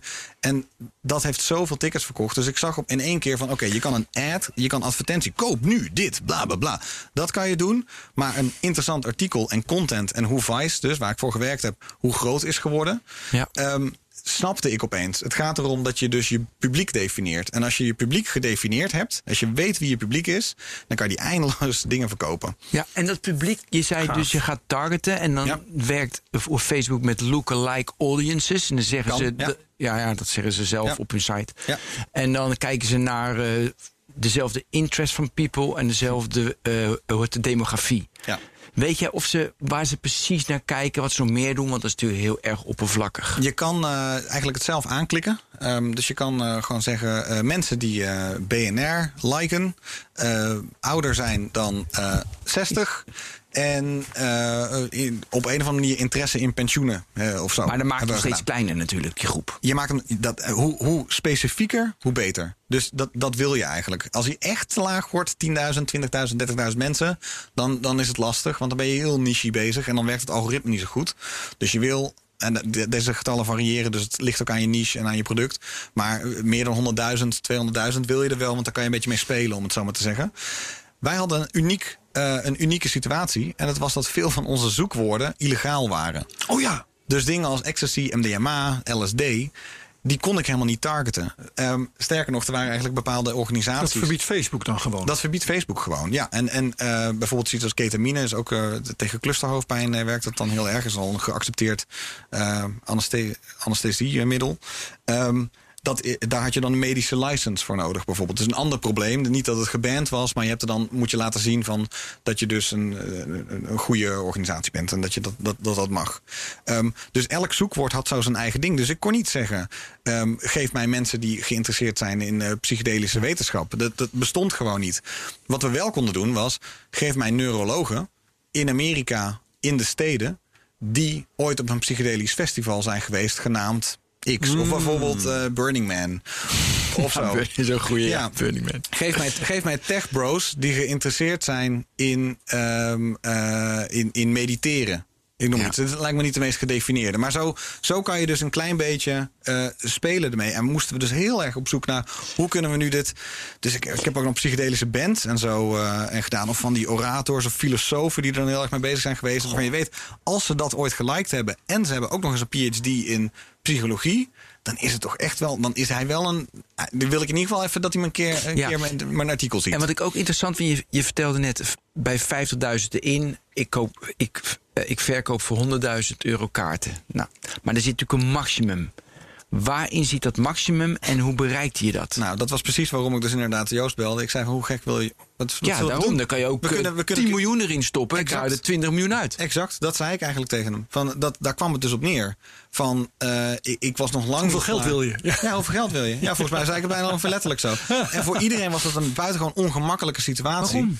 Omdat geen van ons allen zo'n geldbeluste, wolvende marketingmensen waren. Nee, want Daar- jullie zijn die kaartjes gaan gewoon- weggeven. Iedereen, iedereen doet het voor het doel. Dus, maar het, het, het, het, het, Ja, maar last heb je niet van meer geld. Het- nee, nee, last heb je niet kan hem weer weggeven aan mensen. Weer jij vindt dat het goed voor is. Nee, maar er waren dus uiteindelijk wel de infrastructuurproblemen en resources. Ja, goed, hoe dat- meer mensen dat je hebt, ook weer kosten. Nee, maar meer dat ook weer kosten. Ja, precies. Dus, dus waar zat de grens? ehm, uiteindelijk zei volgens mij Joost, je moet Joost even. Joost. het- De grens legden we bij dat wat eigenlijk. Ik kreeg echt wel telefoontje toen ik zei ik wil 20.000 euro voor ads. Toen gingen er echt wel een paar ogen knipperen van sorry, maar ja, Ja. ze vertrouwden me wel. Maar vertrouwden ze me wel? Snap je? Zo van, ja, niet, niet dat ik het met wegslopen met het geld, maar werkt het systeem wel echt Ja. zoals het is? En ja, Facebook werkt inderdaad net zo evil als Dus je dat had het een is. mentale Waar een barrière, mentale en je barrière. kon geen psychedelica nemen om die mentale barrière weg te Ik had halen. kunnen microdosen, dat was misschien... Dit eh, is echt ook wel interessant, ja. Nee, het, het, uiteindelijk de plafond over bijvoorbeeld eh de En Zoom-calls mochten maximaal je met meer 2000. geld? Eh, nieuw onderzoek subsidiëren. Juist, trouwens? Precies. Maar. Nee, het, het zou neerkomen, het zou neer hebben gekomen op een model. En dit is ook een stichting met allemaal vrijwilligers. En ik kwam er ook niet doorheen om dat allemaal goed te doen. Ik had ook graag eigenlijk op de stoel van de penningmeester willen zitten. om al maanden daarvoor een Excel-sheet te bouwen. Van Ja. oké, als ik meer dan 2000 mensen in mijn Zoom-call heb. dan ga je naar een hogere tier voor Zoom. Precies. Dan vragen ze niet opeens 10% meer, maar wel twee keer zoveel. Omdat zij weten, hé, hey, jij bent conferenties van meer dan 2000 mensen aan het maken. Nou, dan ben je vast een hele toffe peer. Hoover werkte zo. De maillijsten werkten zo. Alle systemen werkten zo. En hoeveel werk wij wel niet hadden aan gewoon het constant up-to-date houden van al die software. En het aan elkaar knopen van al die dingen dat het werkte. Dat dus inderdaad opeens de, de mail-dingen eruit vlogen. Omdat we daar een limiet hadden bereikt. En dan was er nog een andere account. Dat was het gedoe. Dus het is een soort als, als dit een lopende, geoliede machine was geweest, was dat steeds hoger en steeds hoger en steeds hoger kunnen, eh, kunnen gaan. En we hebben, eh, de- er is één ding wat je niet moet vergeten. Deze, dit model was gebaseerd op vrijwilligers. En ik zou dit heel graag eens willen zien als je dit als commerciële partij doet. Moet je wel even goed, goed oppassen. Wij waren hier met twintig mensen aan bezig. Ja. En als wij ehm, dus op een gegeven moment gingen opschalen naar 4000 mensen, 10.000 mensen, weet ik wat allemaal. Dan weet ik niet of je met aan 20 vrijwilligers wel genoeg had gehad voor Ja. support en dat allemaal. Maar Dus- kijk. Dus, daar liepen we tegenaan dat we op een gegeven moment zeiden: laten we, we zijn al twee keer zo groot als dat we in Haarlem hadden gekund. L- Let's do this. Gewoon- Aantallen? Ja, dus we 1500 mensen zijn uiteindelijk gekomen. Eh, en dat is twee keer zoveel als dat we van tevoren in Hoeveel hadden Haarlem een hadden kaartje gekocht? Dus wat was de omzet totaal? Eh, de, dus uiteindelijk kun je ongeveer zeggen dat er duizend mensen een kaartje hebben gekocht. 200 mensen een, eh, een scholarship Met hebben duizend keer gekregen. hoeveel? Hebben ze 100 euro betaald? Oh Of, ja, ja nee, de, de, de pricing was voor ons ook nog een, een totaal, totaal. Wat vraag je nou in godsnaam hiervoor? Want Was het de eerste conferentie van dit soort?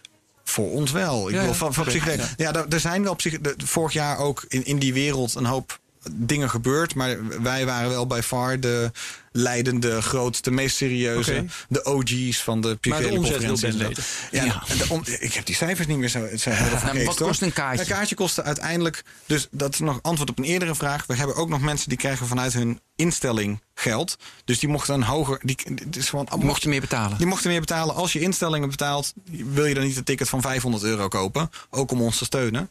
Maar in principe was een kaartje eh 100 euro. Ja, uiteindelijk heb ik het gemiddeld is een kaartje voor ongeveer 100 euro per stuk verkocht. 100.000 euro. En, het, eh, Ten en, dat is omdat er korting, heel veel korting, heel veel korting, heel veel met coupons gewerkt. eh, en heel veel studenten binnengelaten. En dan ook nog mensen die voor 150 euro een ticket kochten. Ja. Dus ongeveer 1500 keer, eh, keer 100 per ticket. Dat was ongeveer de omzet. De kosten waren veel lager dan voorheen. En een van de doelen is dus ook behaald om die stichting dus een, een jaar weer vooruit te helpen. Ehm, Mooi. Ja, en, dat, ehm, eh, en, en de limiet die daaraan zat is dus niet, niet alleen maar dat je er miljoenen in stopt, maar ook dat publiek. Dus als je dat publiek gedefinieerd hebt en dat staat op 250.000, dan zag ik dus, we kunnen nog keer vijf ongeveer van wat we nou gedaan hebben. Ik zou, had eigenlijk idealiter nog keer vijf willen gaan. Dan wordt de conversie minder natuurlijk, omdat, En de omdat het verder weg is. Maar dat, dat kun je meten en dan kun je Dat kun zeggen, je meten. Op. En dan zou ik een nieuw publiek hebben gevonden. Want dan was het niet dat ene festival geweest. Maar misschien had ik dan wel een ander fe- festival in Europa gevonden. Dan had ik nog in Italië Engels sprekende. Die, weet je wel. Want dat moest ook nog. Ehm, dus daar, daar kon. eh, eh, de sky was de limit. Maar uiteindelijk was dat natuurlijk wel een limiet aan. Dit, dit, ja. dit gaat lijken op een afsluitende vraag, maar dat is het niet, want ik Nee. heb nog iets anders. Maar hoe ga je het de volgende keer doen? Ja, heel, geen idee. Ehm, heel veel van die st- die systemen liggen er al. Ehm, nog meer interactiviteit zou ik ook doen. Ik denk dat wat, Maar voor, ons, wat voor ons eigenlijk veel beginnen, belangrijker ga, was. Ga je dan weer online organiseren? Stel dat Nou. corona voorbij is, eh, of laat je mensen weer naar Haarlem komen? Ja. Alsnog naar Haarlem komen. Daar is de, dat, dat heeft een voordeel. Dat heeft absoluut Ja. een voordeel. Maar het, het, het hele idee van dat je de hele wereld uitnodigt... die allemaal inkomen gevlogen... dat slaat eigenlijk nergens meer op. Dus ik denk dat, dat, dat, dat het meekijken met zoiets... ehm, daar gaat het niet om. Als je nou gewoon heb je meer succes gehad nu. Zeker, maar als je een, lokaal, een sterke lokale gemeenschap hebt, dat, dat helpt ook wel hoor. Dus dan kan je ook Ja. een zaaltje met 100 mensen En je doen. kan het een doen, het ander niet laten. En, die, en, die, en dat uitzenden. Ja, je kan ook met 100 mensen in een zaal Ja. zitten en dat uitzenden naar iedereen die mee wil kijken en, en een ticket kan kopen. En wat we ook hebben gedaan, wat heel belangrijk is, is alles is, staat nu in een archief. Precies, dus alles is, terug, alles is terug te kijken. Dus, dus je had op dat moment de interactiviteit en het feit dat je erbij kon zijn en dat het echt een weekend was. En dat was echt een on- ontzettende vibe. Iedereen vond het fantastisch. Iedereen had echt zoiets van, we hebben iets meegemaakt. Het was echt tof om hier te zijn. Ehm, maar we, kunnen, we, hebben, we bieden het nu ook aan als, ehm, eh, als content die gewoon achteraf terug te Ja, kijken maar is. Als eerst een enige andere terug. content. Omdat eh, het produceren daarvan ging ook anders. Hè? Dat heb je mij aan de telefoon uitgelegd. In plaats van dat je eh, een zaal hebt en je moet een cameraploeg huren. Ja, vier jaar geleden was ik natuurlijk ander- anders. Vier jaar geleden was er ook deze conferentie. En toen ben, het was het hier in Amsterdam. En toen was ik vrijwilliger om het vast te leggen. Dus toen heb ik alleen het, ik heb het camerawerk gedaan en het schakelen en de hele techniek aangelegd. om dus die twee zalen op te kunnen slaan, te stream, live te schakelen en het dan op te slaan en dat naar YouTube te uploaden. Nou, er ging van alles mis en het is een ra- drama geworden en uiteindelijk allemaal goed gekomen. Eh, hier was het gewoon Zoom nam het automatisch op. Ja. We sleepten het van Zoom, de MP4, gewoon hup naar Ja. Ehm, YouTube, copy-paste van wat we in Hoeven hadden staan. Klaar. Ik was dezelfde dag nog klaar met dat hele archief aanleggen. Wat was een vier dagen lang trouwens, deze hele conferentie. En eh, dat was waanzinnig. En nu hebben we dus ook een soort ehm, body of work dat, dat opnieuw te verkopen valt. En dat is ook eh, niet, geen grotere revenue stream. En heel veel is ook al online te vinden, ook op YouTube en, en dat allemaal. Maar er is toch een soort premium content die we nu in handen hebben. Die minder voor de hand liggend was dan bij Die een, normaal congres of zo. Permanent eh, verkocht wordt? Of Ja, die worden nog steeds permanent verkocht, ja. ja, Ja, ja, dus dat is ook nog, nog steeds een belang waarmee ik hier zit. Want ik ben nog. Ik, ze zijn, eh, ik doe affiliate marketing. Dus als je via een van mijn sociale kanalen. eh, en het gaat over dit onderwerp. en ik zeg van ben je geïnteresseerd in de wetenschap. dan kan je daar en daarheen. Dan krijg ik ook nog steeds wat. Dus Oké. is nog, eh, misschien moet ik een disclaimer nog. Ik Moeten we- 9, ja, hoe- 9 hoeveel euro per ticket. Oh, Dus 9 dat- euro?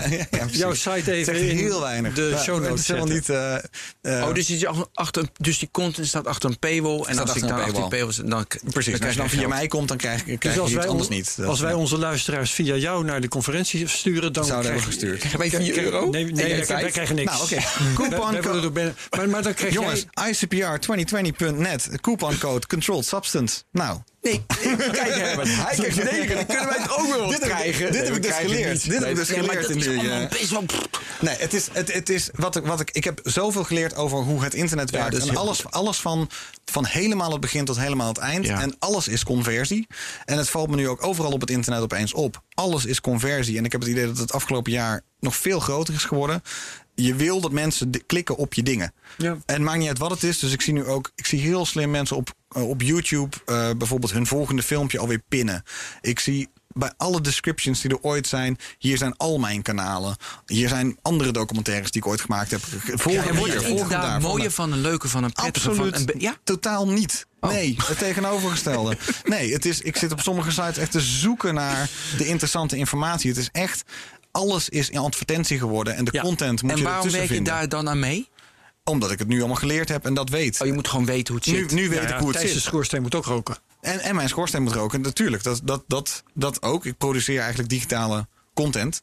Maar nu snap ik voor de eerste keer hoe je geld verdient aan digitale content. is Want natuurlijk, weten. ik was Beter altijd dan nooit. Ja, ik was altijd alleen maar bezig met het onderwerp. Altijd alleen maar van hoe los ik dit op? Wie, wie kan ik hier nog over spreken? Wat is interessant? Hoe kan ik dit in beeld brengen? Heel goed, want dat, dat is nou eenmaal je rol als journalist. Maar om eens een keer op de stoel te zitten van degene die er geld aan moet verdienen, was zo extreem leerzaam dat ik dus nooit meer hetzelfde naar het internet kijk, waar ik al sinds 1996 op zit. Ja. Als, sinds klein jongetje. Maar is En dit dus een heel raar event? Ik bedoel, ga je dan voortaan dingen verkopen? Of eh, geen Nou, nee, nee, nee, nee, nee, nee. Het, voor, wat, voor, voor, mij, nee, voor mij heeft het ervoor gezorgd dat ik dus Nu het iets licht gezien. Nee, ik heb iets meer het licht gezien over hoe ik dus met al die dingen die ik al jarenlang deed voor echt een habbekrat en, en gratis en niks. Ja. Dat ik daar in ieder geval, al- stel dat ik het ooit break-even krijg, dan is dat een droom die uitkomt. Want dan kan je dus de verhalen maken die je zelf wil, Ja. Zonder dat je dus vastzit aan, eh, aan, aan, aan iemand nog boven, ja, boven ja, je. En als dat neerkomt op conversie naar mijn Patreon of een, van, ik, ik zat. ehm, met het simpele eh, ding dat de onderwerpen waar ik over praatte niet monetizable waren op eh, YouTube. Ja, ga ik dan maar de hele over Tesla en over investeren praten, omdat dat heel veel geld oplevert? Nee, want dan doe ik ook weer schade aan, aan wie ik ben als journalist. Dus ehm, voor mij was, is het constant zoeken naar een soort vorm waarin ik nog in het reinen kan komen mezelf, met mijn eigen oude waardes over wat ik denk dat, dat, dat goede journalistiek of wetenschappelijke waarde eh, is of zo. en ik denk dat we het nog even over Facebook moeten hebben. Want dat was wel de. Ja. Dat, want dat, dat, dat, dat, daar vielen dan ook wel de schellen van je mijn ogen. verkrijgen om daar zo intensief gebruik van te maken? Is, is Nee, dat was afschuwelijk. we- voelden ons allemaal zo vies ook dan om het te doen. En het, het stomme was dus ook. We moesten de hele tijd maar beslissen om het wel te doen. Want het was. Een hoger doel had je, jongen. Want Dan, mag, je, dan mag alles wijken. Je had een hoger doel. Het, ho- het hogere doel was in dit geval inderdaad om, om die kennis naar buiten te brengen. Ja. Dat is uiteindelijk het, het, ehm, om het over het voetlicht te brengen. Die keuzes worden ook gemaakt. Ja, maar we hebben bijvoorbeeld echt zitten kijken. Kunnen we met Google iets? We hadden een, een grant van Google voor stichtingen. 10.000 euro aan gratis advertentiemateriaal. Maar Google, daar, daar kan je heel handig gebruik van maken... als je iets aanbiedt waar mensen actief heel veel naar zoeken. En een wetenschappelijke conferentie over psychedelica... daar, is, daar wordt gewoon niet zoveel naar gezocht. zoeken, ja, nee. Dus je moet het aan mensen aanbieden. En dat, eh, dat kon via Facebook veel makkelijker. Ik heb het via Reddit. Wilde ik eigenlijk, dacht ik gewoon... ik ga in Psychedelic Science. Reddit slash Ja. Psychedelic Science. Die bestaat gewoon. 10.000 mensen zitten erin. Gewoon bovenin, doe mij maar een promoted Ja. ding. Dit, ja, dat, dat, dat doet Reddit helemaal niet. Zo werkt het niet. Je moet een veel andere... Ik liep, laat ik zeggen, ik ben daar uiteindelijk geen expert in geworden... omdat ik tegen zoveel barrières aanliep in het begin... dat ik dacht, oké, kost te veel resources, door. LinkedIn, hetzelfde verhaal. Ik kon niet zo helder targeten als dat ik dat met Facebook wel kon. En bij Facebook was het zelfs zo dat als je daar een artikeltje post op je eigen pagina van je stichting. Dan wordt er meteen aangeboden: hey, wil je deze boosten? Wil je misschien hè, er wat, wat vaart achter zetten? En ik kwam er eh, ik kwam achter een paar dingen. Facebook werkt. Ehm, Facebook is vo- volledig pay-to-play. Als je niet betaalt, dan heb je er eigenlijk niks aan als, eh, als marketeer. Want het gaat gewoon alleen maar om betaalde views. Ja. Ehm, en ehm, eh, je kan mensen dus actief benaderen en dus over de streep trekken via Facebook. En de macht van Facebook werd daarmee maar ook zo ontzettend helder. Ehm, en eh, echt de dingen die je dan ook achter de deur ziet.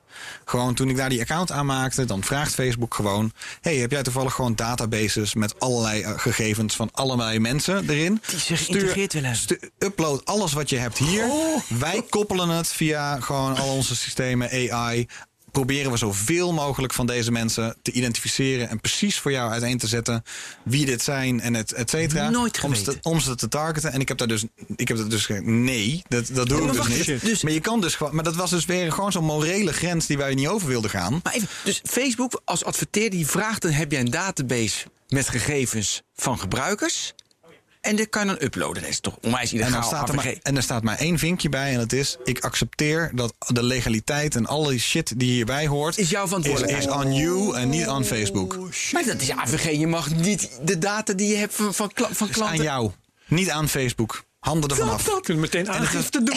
Ja, het is bizar. En dat staat er gewoon. En toen dacht ik, dus op zulke momenten. ben benieuwd. wij, Nee, zaten ik dan, wij zaten in een vergaderingen, dus meerdere van zulke soort momenten zaten we van waarom is hier geen wetgeving voor? Waarom, Oh, die is er dus waarom wel. is dat Ja, dus die al is er wel. Nou, die is Maar oh, dat nee, is law. ja, maar niet, niet voor het platform zelf. Die is dus, dus voor degene die dus dan op Ja, dat moment die gegevens uploadt. ja, ja, ja, en bovendien laten we wel wezen, als je eh, in je AVG gewoon aangeeft, wij gebruiken dit voor marketingdoeleinden, dan valt dat toch Dat- eigenlijk al heel snel Maar ik valt vraag me af of zo'n vinkje van eh, ik accepteer dat, eh, dat idee, maar het- alleen ik vervolgbaar ben, zoiets. Ja. Dat is, dat is zelf niet, niet Maar wanneer legaal. kom je achter dat vinkje? Alleen maar als je dus een marketeer bent en erin zit. En anders is dat gewoon verborgen voor Nou, en dat mensen. vind ik wel prettig. Al die marketeers vertellen dat nooit. Weet je, dat soort dingen. Nee, dat is niet in hun belang. Nee. Maar jij vertelt Ik het ben- niet, dus tenminste. Dat vind ik wel prettig. Ja, ja, ik ook, ja, en ik vond het dus allemaal, ik vond het allemaal heel ernstig en heel erg eigenlijk allemaal om mee te maken dat dit is hoe het werkt en dit is hoe het internet werkt.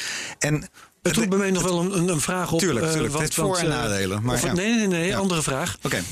Eh, dit is hoe het werkt, zeg jij. Maar wij hadden eh, begin december hadden we hier Frank Vroemer. Die ons heeft zitten uitleggen dat het personaliseren helemaal niet werkt. Contextual advertising. Die, ja, eh, dat zijn twee verschillende dingen eigenlijk. Hè? Dus ja. je hebt, je, je- als je naar, eh, we, Herbert, eh, jij en ik eh, presenteren Space Cowboys. Is het waar? Ja, als, je op, als je op space eh, sites zit en daar krijg je dingen aangeboden die een telescoop of een, of, of, of een mooie poster van Hubble, dan heeft dat heel veel zin natuurlijk. En daar kan ik ook helemaal in, in, in, eh, in vinden. Alleen als je niet op, de, op die site zit. Dus we hadden ook kunnen adverteren via Google op bijvoorbeeld van die psychedelica website. Maar wij waren, on- waren dus een beetje huiverig voor eh, al te veel hippie dingen. We wilden echt heel duidelijk neurologen en dat allemaal. Die zijn wat via Google weer wat minder makkelijk te identificeren, eh, te vinden. Hè. Wie, wie heeft hier nou wel of niet een PhD? En dat is via Facebook weer veel makkelijker weer wel aan te, aan te vinken. Dus als, ik denk als je aan de massa een product wil verkopen, dan kan je via Google heel makkelijk een machine bouwen die dat makkelijk doet, zodat je op zoekvolume probeert te adverteren. Ja. Wij eh, gepersonaliseerd adverteren, gewoon simpelweg omdat wij echt in een niche binnen een niche zaten. Ja, precies. Dus hoe Niet alleen je dat- psychedelica, maar ook nog echt een hele Ja, en kleine Frank- sliver Ja, van, van die psychedelica. eh, En mensen. Frank Volmer van de Ster die legde ook uit: wij brengen verkeer. Weet je, dus wij, de massa, en wij brengen verkeer ergens anders naartoe. En bij jullie Ja. is echt de actie die je moet maken. Ja, precies. Maar dat verkeer, daar gaat het dus uiteindelijk wel om. Hè? Dus het, het, het, het- ik snapte dus ook veel beter mijn. Eh, du- dus het is niet, gaat niet alleen om dat je je publiek moet leren kennen. Dat je precies weet hoeveel, wat het inkomen is en wat die mensen vinden en, en dat allemaal. Ehm, eh, maar je moet ook. ehm, eh, sorry, ik ben een punt kwijt. Ja, Maar maakt geen probleem. Ehm, wat, wat ik dan wel wil weten, want, want eh, het jij ging net over zei. dat conflict. Hè? Ja. Eh, hier hebben we een heel vies instrument, maar het werkt wel. Eh, Ja. Ik vroeg net al, hoe Ja. hoe ga je een volgende conferentie organiseren? Maar ga je eh, een eventuele volgende conferentie dan toch dat vieze stuk gereedschap weer gebruiken? Op, op- volgens mij is het antwoord ja, toch? Ja, Ja. ja. want dat is dus een beetje het erger ervan. Ja. Zo van, je kan dus niet om Facebook heen. Je kunt er niet omheen. En je kan er dus wel omheen. Als je dus ander soort producten, ander soort machine bouwt. Dat was denk ik het punt dat ik wilde maken. Alles is conversie. Als je uiteindelijk een ding hebt dat converteert, dan maakt het dus niet helemaal uit hoe je dat publiek Ja, maar benadert. als het maar is per converteert. definitie data van gebruikers minen. Dus, en daar zit Nee, Eigenlijk conver- wel. converteren bedoel ik op dit moment mee dat je dus een of andere funnel hebt gemaakt. Hè, dus een soort pad waar dat mensen aflopen. Ja. Waar in ieder geval eh, meer mensen iets kopen dan het jou kost om maar die funnel in stand te houden. Ja. bouw dat maar eens zonder eerst die Ja. data te minen. Ja, nee, dat, nee, oh, zeker. Ja, ja, nee, absoluut. Je moet dat- die data meenemen voordat je inderdaad die funnel hebt kunnen creëren. Het is wel leuk. Ja. Naar aanleiding van Frank Vormer, Contextual Advertising, eh, kreeg ik een bericht van Bart Soetmulder. Hij is verantwoordelijk voor de sales bij Tweakers. Ik bel hem vanmiddag, dus wel jammer dat hij niet hier voorbelt. Hmm. Om even, want hij had. Het zit genuanceerd. Ik zeg, dat weet ik. En ik ga met hem even gewoon een gesprek voeren van... eh, misschien komt hij of niet, maar dat vind ik wel Ja, mooi. cool. Dat heeft ook weer hiermee te maken. Ja, precies. Ja, ik kan in het geval van Tweakers, daar is ook een heel strak gedefinieerd ehm, eh, Publiek. publiek. Ja. En, maar zij halen volgens mij ook gewoon hun, hun, eh, hun inkomsten uit de Price Watch. Waarbij dus als mensen via de Price Watch naar een, Ja. eh, een winkel komen. ook dan krijg je inderdaad een kickback, een kickback fee. En zo werkt dus op dit moment het hele internet. Alleen zit het extreem verstopt in. ehm, ja, mensen vinden het ook niet erg om het online te shoppen of, of zoiets te doen. We hadden natuurlijk ook een gedeelte van ons publiek waren helemaal niet van die neurologen die er heel erg serieus mee bezig zijn. Maar gewoon mensen die interessante televisie vonden, om het zo maar even te, plat te noemen. Gewoon van, nou, daar wil ik wel bij zijn. En ik heb veel te veel geld. En ja, nou, interessant. Ik klik er een paar keer doorheen. En nou, interessant. En ook steun dit graag. En, en weer door of zo, weet je wel. Die mensen kregen we, kregen we ook wel. En ehm, het viel me dus tegen eigenlijk dat andere platformen minder toegankelijk waren. Of dat, dat die niet zo, niet zo makkelijk werkte als Facebook. En dan had je ook nog een Facebook dat automatisch Instagram werd meegenomen. Dus aan de achterkant zijn Facebook Ja. en Instagram tegenwoordig exact hetzelfde. Hè? Dus alleen de voorkant verandert. Dus eh, je hebt toegang tot zo'n makkelijk groot publiek. En ik zou eigenlijk willen dat andere platformen dus ook makkelijker op een of andere manier mee te interacten Ja, zijn. makkelijkere business-to-business tool, waardoor jij mak ma- makkelijker kan adverteren. Ik dacht dat LinkedIn, want ik zat eh, even te kijken, zag er aardig uit. Ik heb het, niet ik, ik, heb het natuurlijk niet geprobeerd. Mhm. En Reddit, zoals je zei, moet dus ook. Maar ik dacht ook aan Discord. Heb je daaraan gedacht? We hebben een Discord inderdaad, maar dat Discord. ehm, de- de- Dan moet je in die nichegroepen zitten. Dat Nou, voor mij is 25 dat, miljoen als jij mij kan vertellen hoe je daar nog heel veel geld aan kan verdienen. Je kan natuurlijk met bots kan je weer linkjes plaatsen en die linkjes kunnen weer ergens heen gaan. In principe is dat wederom. Ik, ik probeer er heel meta over na te denken. Van dit is wederom. Je wil aandacht van een publiek. Dus, en dat zie je eigenlijk bij alle apps die er worden gemaakt. En bij alle websites is het. Je moet zorgen dat je een gedefinieerd publiek. Dat je die ogen op dat scherm hebt. Naar jouw ding kijken. En zolang dat het geval is. Kan je converteren. Ja. En dat is dus ook het hogere doel van elk eh, van elke marketeer, uitgever, et cetera. Zorgen dat je dat publiek kent en dat die aandacht aan jou geven. Maakt niet uit wat het is. En daarom begon ik ook denk ik met die vraag van hoe zitten jullie met schermen? Want het, bij mij begon alles te vervloeien. Dus van wat ik nou precies op dat scherm, aan deed, scherm deed. Of het nou Nieuws Spaceflight Now was, of dat het nou YouTube was, of dat het nou de psychedelische conferentie, ICPR was. Het was voor mij, het werd allemaal een beetje een soort eenheidsworst van iets wil mijn aandacht de hele tijd om op die manier mijn geld Tijd om weer hebben. eens hout te gaan hakken. Exact. En toen werd het dus ontzettend Ja. tijd om dus aan mijn voedselbos te werken. Dat, dat was, ik, was even, ik begon steeds meer klaar te worden met die schermen waar ik juist al 25 jaar mijn hele leven omheen gebouwd heb. Dus dat, dat eh, maakt het zo bizar. We gaan dit afronden. Heb je nog wat te vragen, Ben? Nee, is goed zo, dank je nog wel. wat eh, mee te delen, Thijs? Ehm, ik, je vraag, die vraag van hoe, hoe zit het nu in de toekomst Ja. is echt. Ik denk dat VR een grotere rol speelt om dus inderdaad die ervaring meer te beleven. En maar dat, dat elkaar in de ogen kunnen kijken zoals we nu doen, dat, dat is een, Weten we. een. Dat Zo is dat. Ja, dan moeten we vooral vol blijven houden, ook Mooi na gezegd. corona. Dankjewel, Thijs Roes, wetenschapsjournalist. Jouw site is Sparks met een X, hè? SP Spark.sx.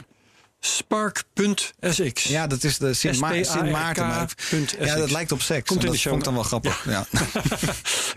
Prima. Werkt altijd. Dankjewel, Eh, Thijs Roes. eh, we hebben het bedankt. Dankjewel, Ben. Tot de volgende. Eh, luisteraars, bedankt en tot de volgende keer. Dit was het Technolab. Dag.